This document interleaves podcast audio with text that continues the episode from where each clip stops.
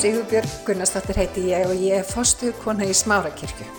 Við langar til þess að bjóða þið velkomin í hlaðvarpan okkar en hér ætlum við að tala uppbyggjandi og hvetjandi orð. Ég vona svo sannlega að þetta blessi þig og hveti þið áfram til að gera góða hluti í lífinu. Um, við erum í smá upprifinurgýr, við höfum verið það undan fyrir svona nokkra vikur og við höfum verið að rifja upp tilurð kirkjunar, tilgang kirkjunar, eh, frumkirkjunar, hvernig hún var í byrjun stöðu kirkjunar í dag og þá erum við ekki að tala bara um sko, smára kirkju, heldur bara kirkjuna þvert yfir, sérstaklega í hennum vestrarna heimi.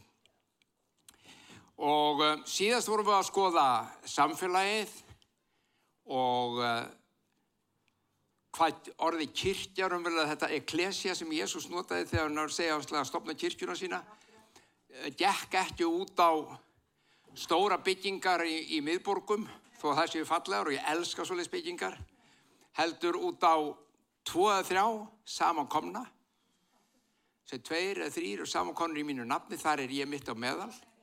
Og hann segir þið eru þar í mínu umbóði og þar er kraftur og þar er máttur heila sanda til að vinna það verk sem ég hef kallað eitthvað til.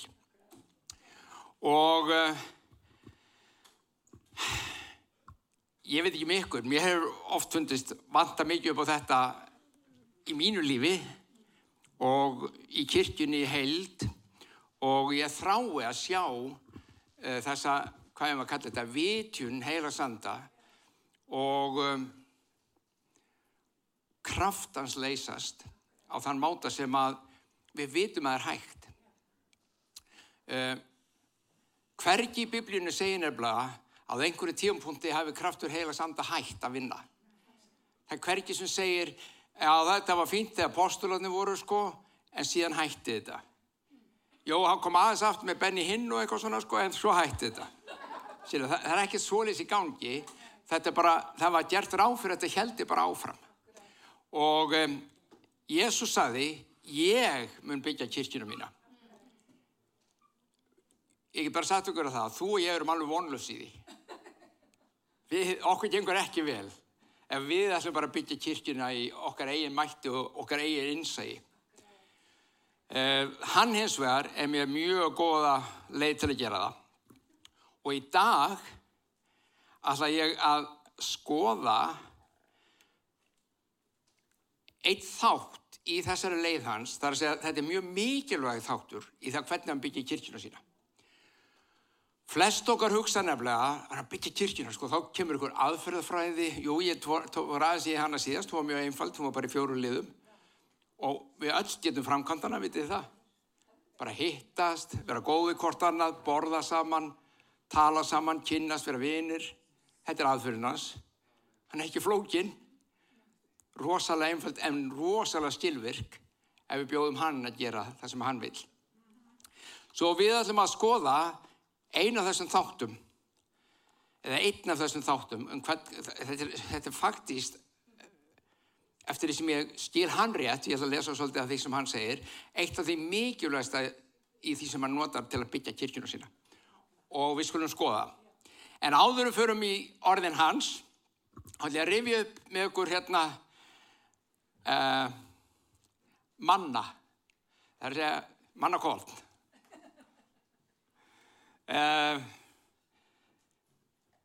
ég var að ræða við unga konundaginn, sýstur okkar í trúni, hún var að segja, tala um manna og það er gott að draga mannakort. Þið viti hvað mannakort er. Og, og margir sem áttu að segja því þeir haldi að við höfum tekið nafni frá hljómsveitinni, hljómsveitin sem tók þetta hljómsveitin mannakort. Þetta er svona litli miðar í östju með svona rittningaversum á. Svo dreguru eitthvað reytingavers, opna biblíunina og lest. Okay? Til hvers eru við að þessu? Sumi gerir þetta bara reglulega til þess að bara fá Guðs og næra sig. Aðrir er hreinlega að nota þetta til að leita leiðsagnar. Þeir byggja þess að dróttir leittu mig núna og, og tala til minni gegnum þetta eitthvað sem er, og þá kannski eitthvað sem er í gangi. Og þetta er mjög sniðugt apparat en hvar á það rætur sínar og það sem þá ræti sín er nefnilega tengist inn í það hvernig Kristur byggir kirkjuna sína. Vissur það? Jésús nefnilega fyrsti mannakonsmaðurinn í heiminum. Nei, hann, hann bjóð ekki til mannakon, hins vegar talaði hann manna. Hann er orðið sjálfur. Ok, þetta er í annari Mósebók í, uh, 16. kapla, 31. versi. Og ég held þetta sé hérna, já, mannakonnið, hérna kemur þetta. Nei, nei, þetta er ekki það. Þetta er ekki inni. Þetta, ég er fyrir þetta, ég glemdi að láta gefn fá þetta, reytingavers. Þannig að þetta, svona, þetta kom inn eftir á. Einnig að alveg með glærið og reynu. En þar stendur svona, og þeir þekki söguna, að þeir voru inni úti í eigðumörkinni á ferðalagi Ísraelsmenn og þeir fóru að kvarta. Og þeir fóru að mögla. Og þetta var allt ómulagt. Var nú betra mósið minn, hefur vorum í Eikeftalandi. Alveg búin að stengleima því að þeir voru sko þrælar undir ánuð. Já, þar voru sko feiti kjötkallar. Þar voru hambúrgar og franskar, ekki hér. Hér er ekkert að hafa. Og, og Guð gaf þeim, þrátt fyrir mögliðið þeim, hann gaf þeim kjötrétt um kvöldið, linghænsni. Ó, getið, finnið bræðið á linghæsni sem er grillaði yfir eldinum bara þetta kvöld hjá Ísraelsbjörnum. Og daginn eftir gerði þetta svolítið merkilegt. Það ringdi brauði af himnum. Það fjalli eðumörkina og fyrirmæli voru þessi farið tínið bara fyrir daginn í dag. Etið það og, og hérna af því það er kvíldadagur náttúrulega á sjönda deginum á sjötta deginum að þá verður náttúrulega, það mæri verið tínað fyrir tvöfald þá. Þannig að þá týndu tvöfald og áttu til daginn. Það var eini dagun það sem að varveitist. Því að þegar þau ætlaði að geima eitthvað til næsta dag sem eru sem er reyndu, þá eiðilaðist það. Það var bara ónýtt. Ekki gleyma þessari frásögu vegna þess að þetta er líkillinn að mannanu sem að drottin gefur brauðinu og þegar hvernig byggja byggja kirkjunum sína. Svolítið gaman henni í annar mónsabók 1631, það segir Ísælsmenn kölluðu þetta brauð manna. Þannig kemur orðið. Það líktist kóriandir frægi, var hvitt á lit og bragðið eins og hunangskaka. Þurfti ekki svona álegsjöðu. Það var bara fullkom brauð. Þeir fengu brauð til einstags. Þá komum við að þessu hérna og nú byrjar ballið. Er þið með? Þegar Jésús kom í byggðir Cesare Filippi spurði hann lærisvinna sína. Hvern segja menn mann svonin vera? Sjá þetta fyrir ykkur. Þegar, þegar, alltaf, þegar ég hvet ykkur, þegar þið lesir svona, að setja ykkur bara inn í, inn í kringustafnar. Þið eru bara núna á staðnum, þið eru í hópnum og Jésús er að tala hann og þú ert í hópnum út að hlusta, þú ert hvorki Pétur eða Jóhannes eða nekkur annar, en þú ert í hópnum og þú heyrir að segja, strákar, hvað er fólk að tala um mig? Og þú veist, var hann svona spjærreitur? Þú veist, þurfti hann að, þetta var ekki komið Facebook þá, þá hann alltaf þurfti allir sér like. Nei, hann var ekkert að leita því, bara ekki neitt. En hvert segja, hann var forvitin hér og var, þetta var spurning sem var mjög mikilvæg eftir ákveðin tíma með lærisjörunum. Hvert segja menn mannsónin vera? Þeir svöruðu. Sumur segja og sért Jóhannes skýrari, talandu um það, dagurinn í dag er ekki 2009. Það er sá dagur sem áall var að Jóhannes skýrari hafi verið hálsökinn. Lesum það í biblíni, þetta stundu kalla höfudagur út af því. Höfum við hans á fært og fatti, en það er hannu saga. Sumur segja það, þeir segja svo að við heyrum fólk vera að tala um það Jésús að sumur halda og sért Jóhannes skýrari komin aftur. Aður er Elja og Elja var mikill spámaður og ennaður er Jeremia sem var líka mikill spámaður. Eða einn af hinnum öllum spámanunum. Þannig að Jésús segi, ok, það er, er enginn að þessum að ná þessu alveg. Og þá spyr hann, en þið strákar, hver segir þig með vera? Símon Pétur svarar, þú er Kristur, sonur hins lifanda Guðs. Þessi setning gerir það að verkum að Jésús svarar á alveg sérstakar máta á eftir. Hann segir ekki, hef þú náður þessi við, þetta er flott hjá þér. Það segir ekki svona, heldur þetta. Þá segir Jésús við hann, sæl er þú, Símón Jónasson. Engin maður hefur ofinberjað þér þetta, heldur fadir minn á himnum. Með öðrum orðum, ástæðan fyrir því að þú sagðir það sem þú sagðir og ástæðan fyrir því að þú veist að ég er einmitt hann er að það kom ofinbörunar andið Guðs frá himnum og talaði inn í anda þinn. Þetta var ekki eitthvað sem þú heyrði frá öðrum, ekki eitthvað sem þú last í bók, ekki eitthvað sem Anna var búin að segja þér. Guð sjálfur saði þetta og við köllum þetta stundum ofinbörunar þekkingur. Það er að segja að vita ykkur hluti sem Guð er búin að sína og Guð einn getur sínt. Hafið lesið, því finnir þetta örgla stundu þegar þið er að lesa biblíun ykkar, þeir sem að lesa hana, þeir eru kannski búin að lesa eitthvað kabla eða eitthvað bók mörgusinnum og, og ykkur finnst þú góð og það er alltaf eitthvað næri og svo allt í hennu komið þið kannski eftir tíu ár þá eru að lesa hana einu sinna enn og þá hoppar eitthvað eitt vers og segir Vá, ég hef ekki séð þetta áður maður. Hei, þú er búin að sjá það mörgusunum áður. Þú er búin að lesa það mörgusunum áður. En ákveður lifnaði það við. Það kom ofinbörun frá heilu og mann það sem talaði versið inn í þig, inn í lífið þitt og þú allt innum fattaður og stildir eitthvað svo þú stildir ekki og fattaður áður. Það er ofinbörun. Ekki með, fæst ekki með stilningavitur um okkar, fæst fyrir andan. Og áslökna á iPadinum. Það er ekki verið.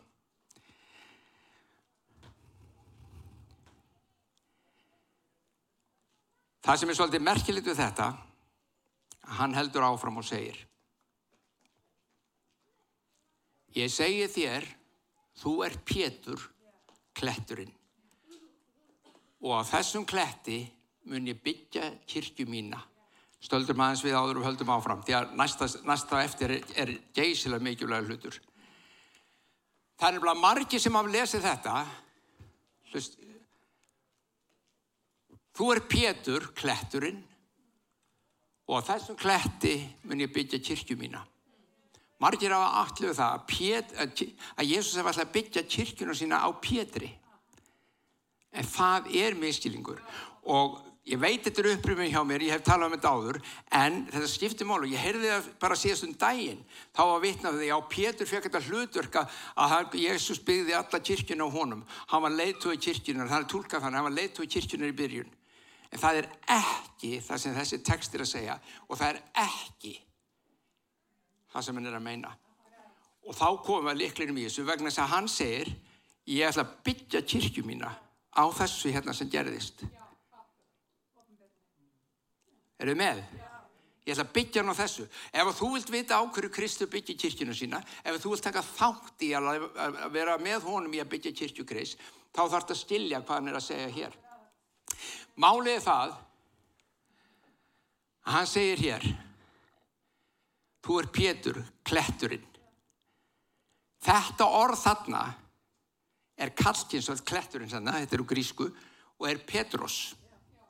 Kallkynsorðið Petros og þýðir mjög stór stein. Mena, þetta er ekki eitthvað, bara, eitthvað sem þú fyrir að leika með, þetta er bara sem grafan tekur sko. Þetta er það stórt. Það er stór stein. En svo breytir hann um orð og hann segir síðan á þessum kletti þá notar hann annar orð. Þá notar hann kvennkísorðið Petra. Á kvennkísorðinu Petra að það er byggja kirkina mína. Og hvað er Petra, það er fjall. Það er ekki bara stór stein, það er stórt fjall. Og hann er að segja við Pétur og við strákarna allar sem er hlust og þú ert þarna með mannstu, hann er að segja Pétur, þetta er stórkvæslu ofinverðu sem þú fjast og þú gast bara fengið þetta frá föðurnum og heimnum. Og einmitt á þessum hlutum að fá ofinberunar skilning alltaf að byggja kirkjuna mína. Ekki á þér, Pétur, heldur á ofinberunni sem er stort fjall. á henni bygg ég kirkjunum mína. Og hvað það segir það okkur? Það segir okkur það ef að þú ætlar að taka þátt í byggingu kirkjunum þá þarf þetta að lifa í ofinböruna anda Guðs.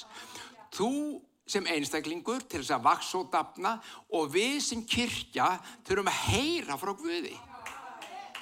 Við þurfum að skilja hann, við þurfum að leifunum að taka okkur skref fyrir skref lengra og lengra og lengra í okkar skilningi og okkar ofinböruna skilningi á því hver hann er. Er þið með? Það er ekki nóg, taktu vel eftir elsku vinnur, það er ekki nóg að bara, þú ætlar að taka þátt í kirkini uppbyggingu hennar, að bara að gefa líðið til Jésús og þú komist til himna. Það er reyndar alveg dásalegt.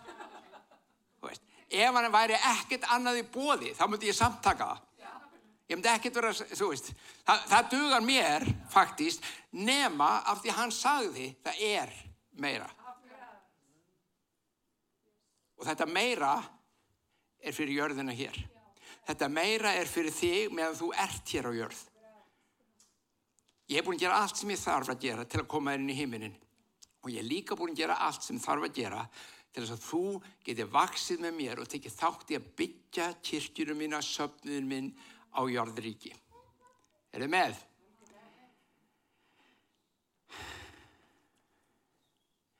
Síðan kemur þessi stórgóðslega setning og máttur heljar mun ekki á henni sigrast.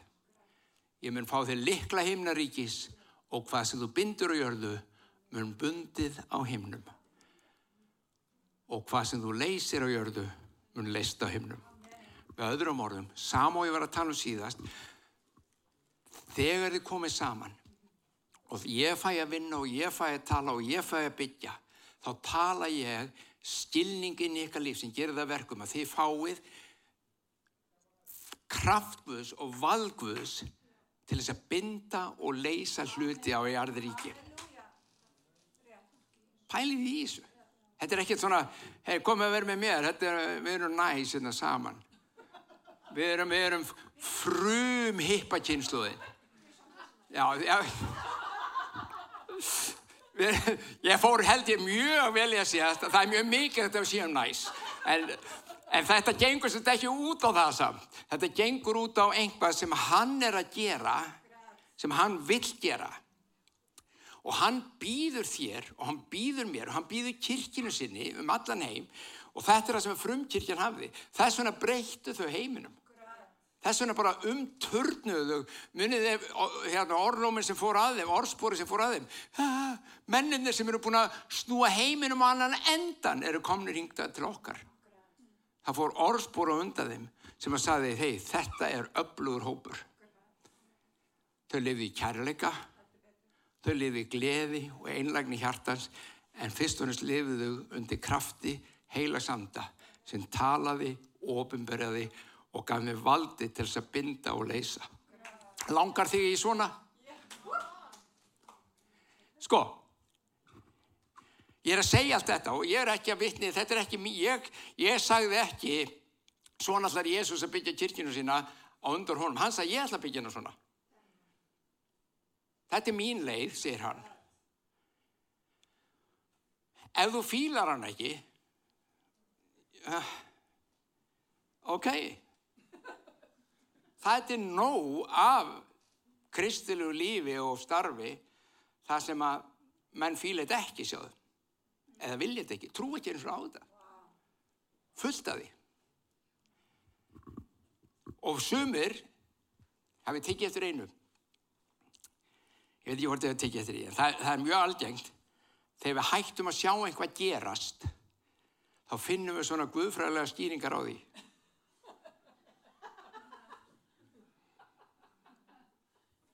sjáum engan læknast. Já, lækning og jarður ekki dó út með postulónum. Þetta er reyfing sem trúir því. Þetta er kristileg reyfing á jarðuríki sem bóðar þetta. Þá er liðin okkur týr ára að þeir sjá engan læknast lengur. Að það er búið. Sjáum engan frelsast. Er þá Jésús hættur að frelsa? Hann er ekki hættur neina af þessu.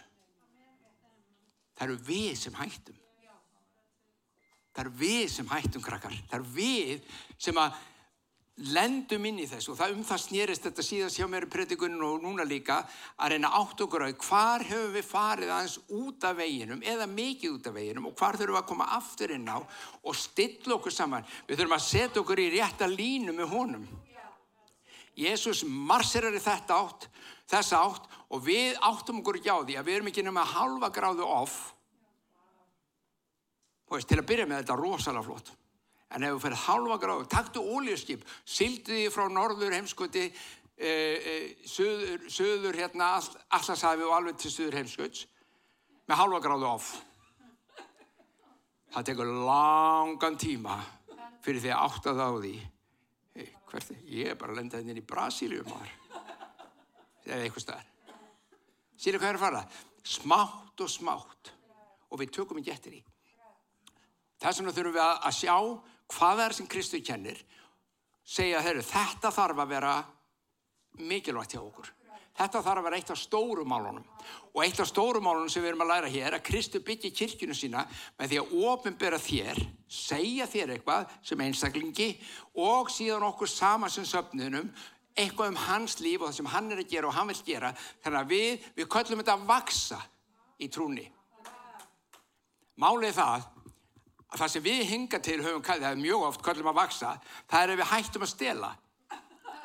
Hann er vaksið mikið í trúni, hann er hættur að, hann er hættur að nota dópið. Það er frábært. Ég, ég, ég, má, ég ger ekki að gera lítið úr því. Allt sem að hjálpar okkur í lífunu að við lifa heilbröðu góðu lífi er dásamlegt. En það er ekki nóg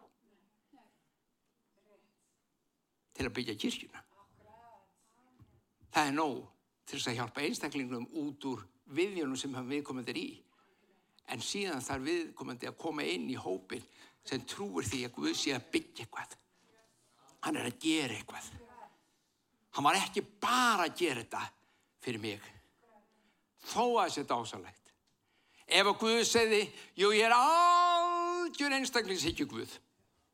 Ég ger þetta bara fyrir einstaklingarna sem vil og ekkert meir. Það er ingen annar tilgangur í þessu. Ok, þá tek ég það líka. Og þú líka, ég veit það. En, ég ætla að lesa fyrir versa eftir sem sín okkur, það er bara alls ekki það sem er að spá í. Bara langt í frá.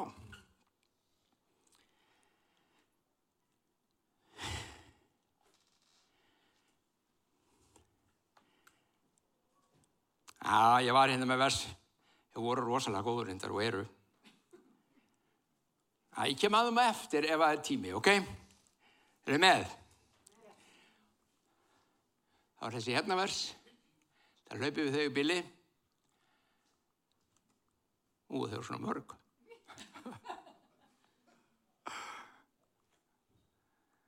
Hérna. Förum í fyrsta pétusbref til þess að fá átt okkur betur á hvaða er sem hann er að byggja og hvaða hann vil. Sjáu þið. Sækist nú eins og nýfætt börn eftir henni andlegu og menguðu mjölk til þess að þið af henni geti dapnað til hjálpræðis. En það hafið þið smakka hvað drottinu góður. Komið til eins levandi stens sem enn höfnuðu en er í augum Guðs útfælun og dýrmætur látið sjálf uppbyggjast sem levandi steinar í andleitt hús. Stoppum aðeins. Með öðrum orðum, þetta að meðtaka ofinberun og orðguðs, því að orðguðs er lifandi, orðkriss eru andi og þau eru líf. Uh, við erum að sækist eftir þessu bara eins og börnin eftir mjölkinni. Slíkt á hungur og hafið, þið viti hvernig barn er þegar, þú veist, fær mjölk. Nei, þið viti hvernig heimalingarnir eru þegar þið fá mjölk. Sá sem þar mjölk er gladur þegar hann fær mjölk. Við þurfum að átt okkur á því, elsku vinnu nummer 1, 2 og 3, að við þurfum þetta.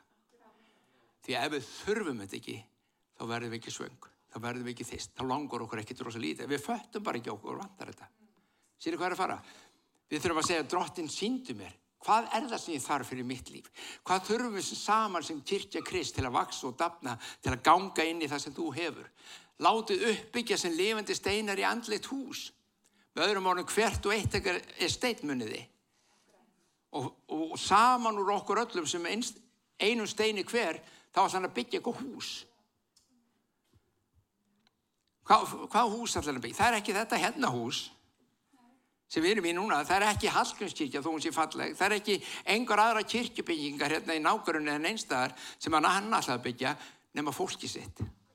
Hann að byggja þig og mig, við erum lefandi steinar, trommuleikar Rolling Stones var að deyja. Guð vil ekki að við séum Rolling Stones. Rolling Stones viti hvernig er, Guð sér inn að setja það saman í húsið, svo rúlaður í burt eftir smá tíma því þið móguðust. Viti hvað margir Rolling Stones er í kirkjulífi Íslandinga? Reyndar út um allan heim. Það er svo mikið að Rolling Stones. Í alvöru. Það kom eitthvað upp á. Og ég er ekki að segja að það sem kom upp á hafi ekki verið vond eða rámt eða neitt svolítið. Ég bara okkar viðbröð voru þau, já, það var ekki að vera hér. Svo mókast yfir einhverju. Það sorglega við það er að það er ofta ekki neitt svoleið sem að fara okkur til að mókast. Já, ég var nú ekki beðin um að elda súpu í eldusinu. Ok, já, mókast við því. Já, ég kann elda súpu. Stilu, við mókast yfir öllu. Við þurfum svo lítið.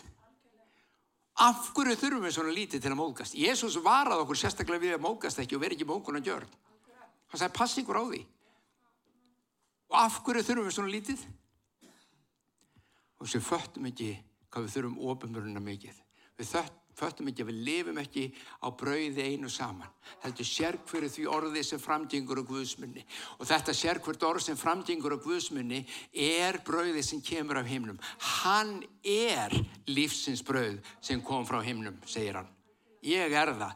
Og sá sem borðar af mér, sá sem nærist að þessu brauði, mun aldrei hungrað verða.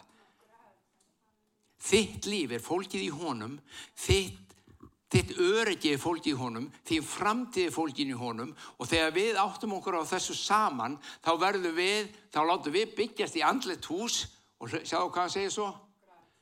Til heilast prestums. Ég held að þú að sippa á henni prestanir. Takk til þér. Prestdómurinn, það sem er bara einhver eitt prestur sem er meðalgangur millir Guðs og manna, það er búið. Það er búið þú hefur aðgangað Guði eins og ég og allir aðri sem það vilja. Híminin er ofinn fyrir þig. Þú getur komið inn, þú getur talað, þú getur spjallað, þú getur grátið, þú getur hleyið, þú getur sagt allt þið langar til í návist hans. Hann stílur, hann veit, hann þekkir hjartaðið betur heldur þú. Við nótum þetta orð bara til þess að fólk skilja og þetta er þeirra hlutverk í söfnirum. Þess vegna höfum við líka oft nota orðið fórstuðumadur til að veita fórstuðu. Biblían talar um það. Frekar en prestur eða pastor. En hyrðir er endar orðin að nota sem er mikið notað í biblíunum. Við notum alls konar orð sem er ekkit endar að nota í Nýja testamentinu yfir þetta. En það breytir engum það að þú og ég erum öll kölluð til að vera þessi prestar. Og hvað gerir presturinn? Hann ber fram andlega fórnir fyrir Jésu Krist, Guði vel þóknarlegar. Því að svo stendur í rittningunni. Sjá ég sett hortstein í síjón, valin og dýrmættan. Sá sem trúur á hann, það var Jésús sem er hortsteinin, mun eigi vera til skammar. Eður sem trúið er hann dýrmætur, en hinnum vantrúuðu er steinin. Ah, sem smiðirnir höfnuðu orðina hyrningasteini. Veitu hvað smiðir? voru ekki smiðnir í Ísrael, ekki smiðnir hjá veist, Gunnar Gilva eða. Þeir höfnuðu ekki endilega Jésu. Hvaða, hvaða smiðir höfnuðu honum? Kirkusmiðnir. Og þá er ég að tala um andlegu kirkusmiðnir þeir hafa hafnað og hann er hann ástendingasteini og hrösunar hellu þekkir þú ekki fólki kringu þig sem að nextast á Jésu hrasar um Jésu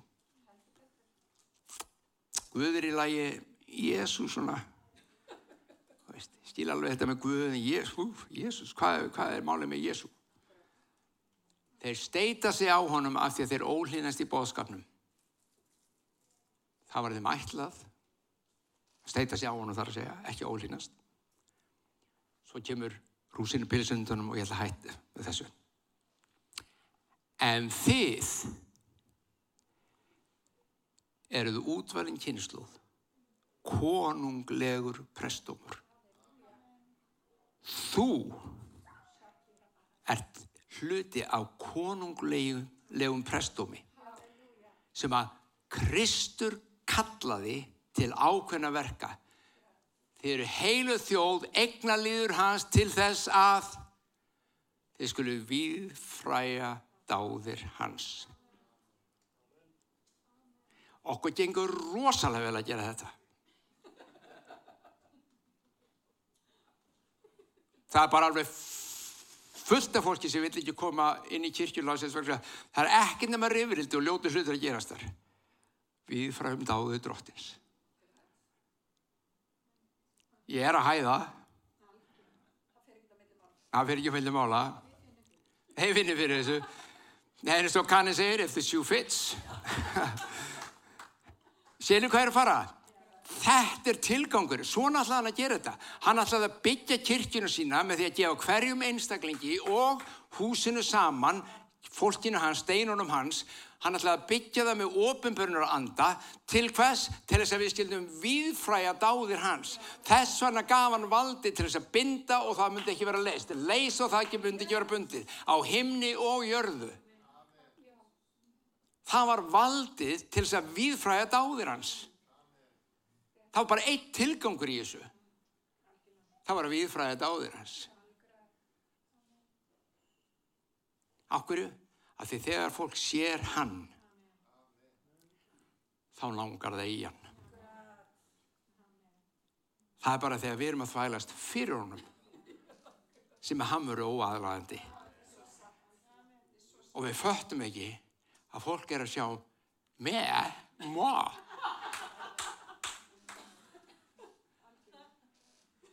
Jésús er hérna bakum í sjóðu. Þegar heilarandi segir er aldur, bara lefðu mér, hættu þessu. Bara hættu þessu drengur. Eitthvað aðverð hérna. Bara verum það sem við erum í Kristi. Gerum það sem við erum að gera í Kristi. Verum steinandir hans, við fræmd áður hans. Já, en þá, já, ekkert þá neitt. Jú, þá annars, já, hvað með, ekkert hvað með neitt. Bara gerum þetta, krakkar. Gerum þetta bara. Þetta er það sem að segja okkur að gera. Því hann kalla okkur frá myrkunum til síns undursamlega ljós. Við stærum okkur á því. Segjum öllum það. Og fólk spyr, og hvað er ljósið? Það er í mér. En ég sé bara ekkert ljósið þér ekki minn kæri.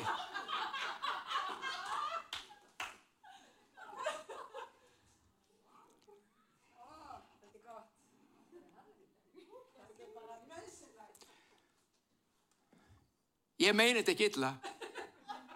Þið viti, ég meina þetta svo mikið af kærleika og svo mikið af því að elska.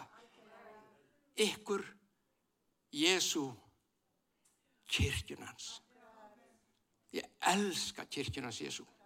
Mér er alveg sama hvað hún heitir, mér er alveg sama hvað hún hittist, mér er alveg sama hvort hún talar þetta tungumálið, hitt tungumálið, ef það er kirkjunans, þá elska ég hana. Við erum ekki fullkomin í smára kirkju, annars væri ég ekki að segja þetta hérna. Ef við værum fullkomin í smára kirkju þá myndi ég hafa sagt, já þið við erum með þetta en það er fullt af öðru fólki hérna sem er ekki með þetta. Þessi bóðskapur er frá þau. En en ekki að hlusta, þá skulle bara gera eitthvað annað. Nei, þetta er fyrir okkur.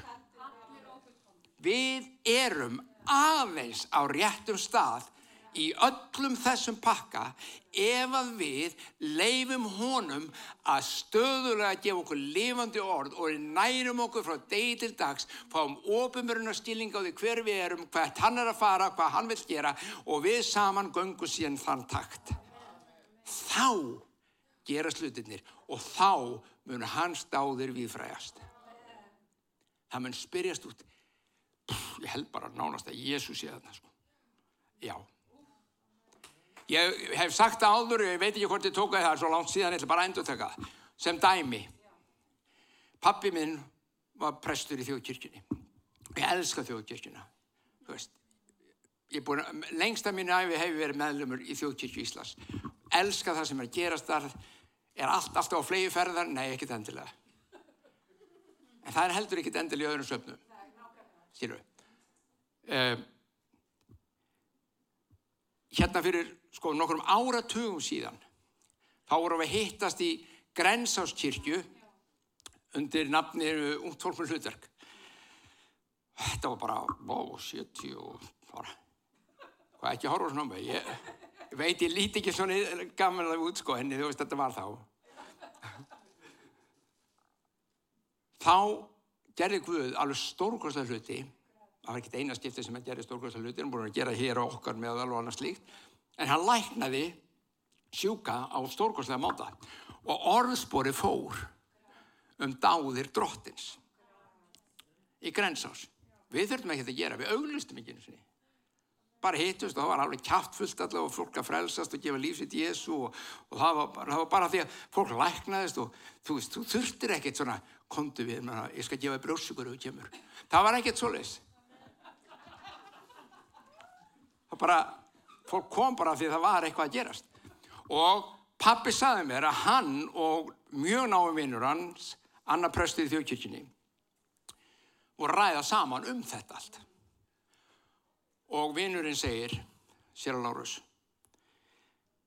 þú áttar þig á því, að Lárus minn, að ef þetta er svona, eins og orðspori segir, þá erum við bara saltstöflar.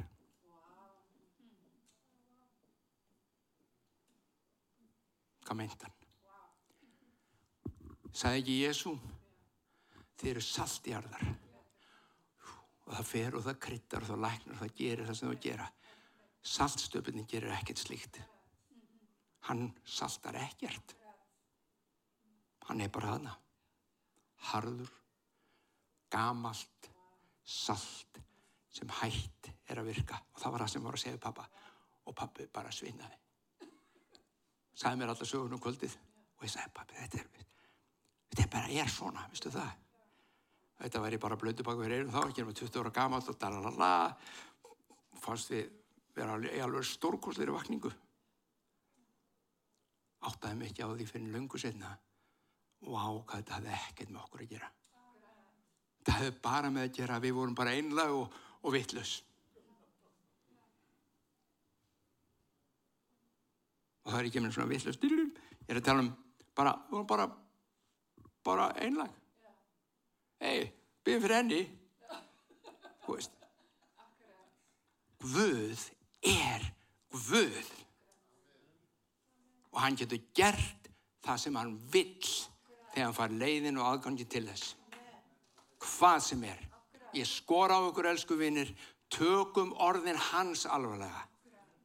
Þið ráðu hvort þið tekja mín orð, það sem ég er búin að vera að segja í kringum í dag. Takktu hans orð alvarlega. Leitaðu þekkingar hans, ofumverna stílings hans, þar byggir hann okkur upp.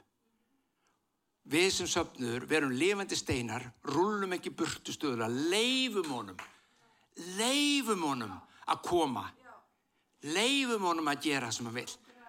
Hann býður sig, hef ég hús eða hef ég ekki hús? Við erum sammálaðu. Húsið þarf ekki að vera stort, við þurfum ekki að vera þúsund manns til þess að hafa hús. Hann sagði það sem tveir eða þrýr eru samankomnir, þar er ég.